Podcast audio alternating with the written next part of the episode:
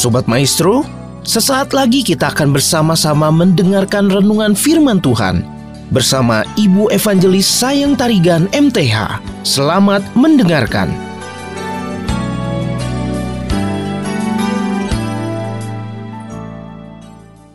Tuhan selalu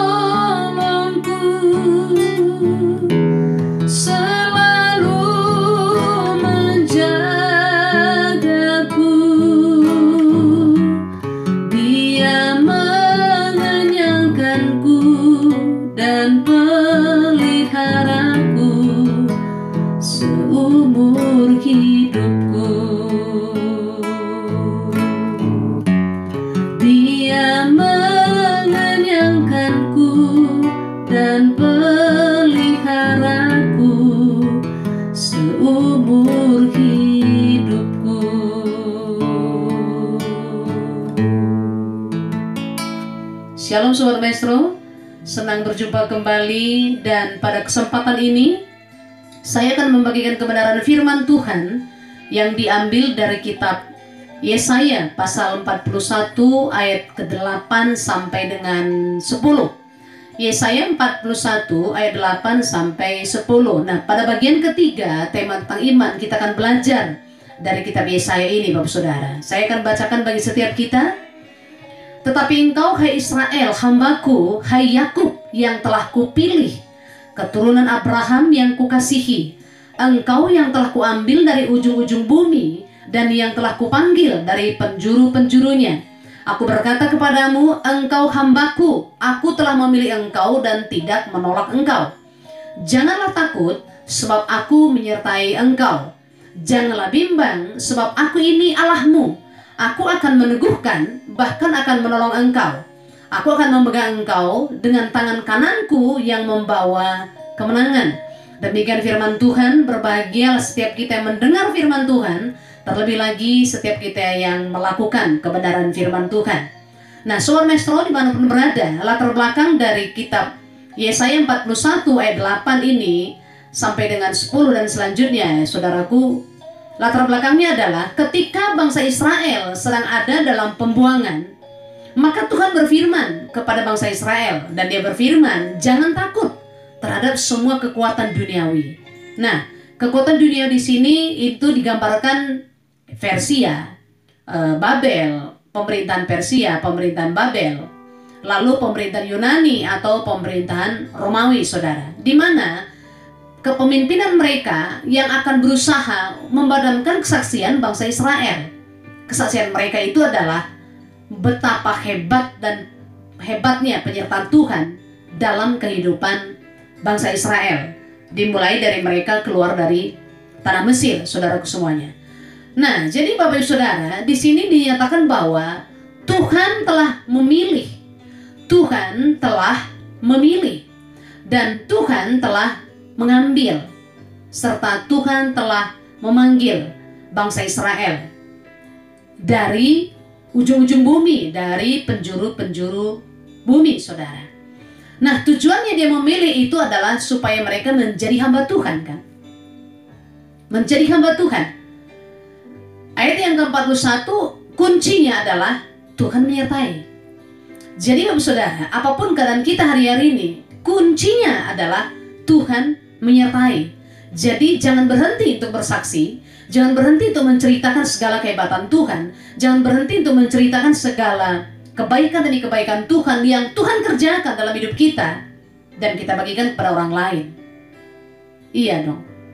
Nah, lalu berdasarkan dari kejad dari Yesaya 41 ayat 8 sampai dengan 10 Saudara yang saya pelajari, saya bagikan kepada setiap kita dua poin dari sini Saudara. Yang pertama adalah memberi diri.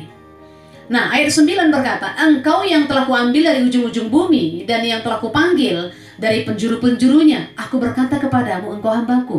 Aku telah memilih engkau dan tidak menolak engkau. Artinya kita harus memberikan diri kepada Tuhan Yesus. Kita harus memberikan diri kepada Tuhan untuk dia pakai. Kata hambaku di sini, atau kata engkau hambaku di sini, itu diambil dari kata ebed. Bahasa Ibrani-nya saudara, artinya budak, artinya pelayan. Nah, jadi kita dipanggil Tuhan untuk untuk menjadi pelayan Tuhan, untuk menjadi budak Tuhan. Makanya kita harus memberi diri kepada Tuhan. Dalam Matius 6 ayat 33 sampai 34 berkata, "Tetapi carilah dahulu kerajaan Allah dan kebenarannya, maka semuanya itu akan ditambahkan kepadamu. Sebab itu janganlah kamu khawatir akan hari besok, karena hari besok mempunyai kesusahannya sendiri. Kesusahan sehari cukuplah untuk sehari." Jadi seorang hamba, seorang pelayan Tuhan yang telah memberikan diri kepada Tuhan, nggak perlu khawatir lagi. Tidak perlu khawatir. Tidak perlu khawatir. Kenapa? Karena begini, kita kita kalau kita baca Alkitab di dalam 2 Timotius 2 ayat 4, di situ kan diceritakan bagaimana seorang prajurit kan. Bagaimana seorang prajurit yang tidak pernah memusingkan dirinya, tapi dia hanya melakukan dan mengerjakan yang berkenan kepada komandannya. Kita baca saudara.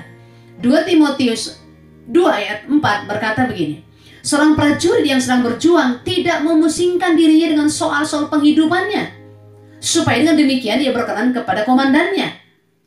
Jadi kita nggak perlu memusingkan diri kita lagi ketika kita memberi diri kepada Tuhan. Tidak perlu memusingkan dengan penghidupan kita dari hari ke sehari. Tetapi bukan berarti kita harus diam ya. Kita harus bekerja, saudara.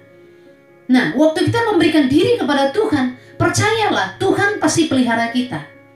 Tuhan pasti cukupkan penghidupan kita.